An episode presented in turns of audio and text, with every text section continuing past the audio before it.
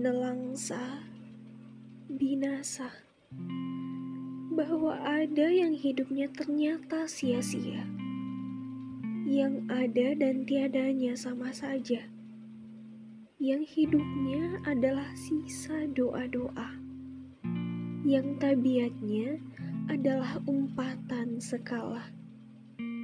Pada banyak renungan, ia selalu dibawa pada tanda tanya. Untuk apa? Dan karena siapa? Yang jawabannya hanya menyisakan koma. Ia susun lagi, ia untai lagi. Jiwanya yang hampir mati.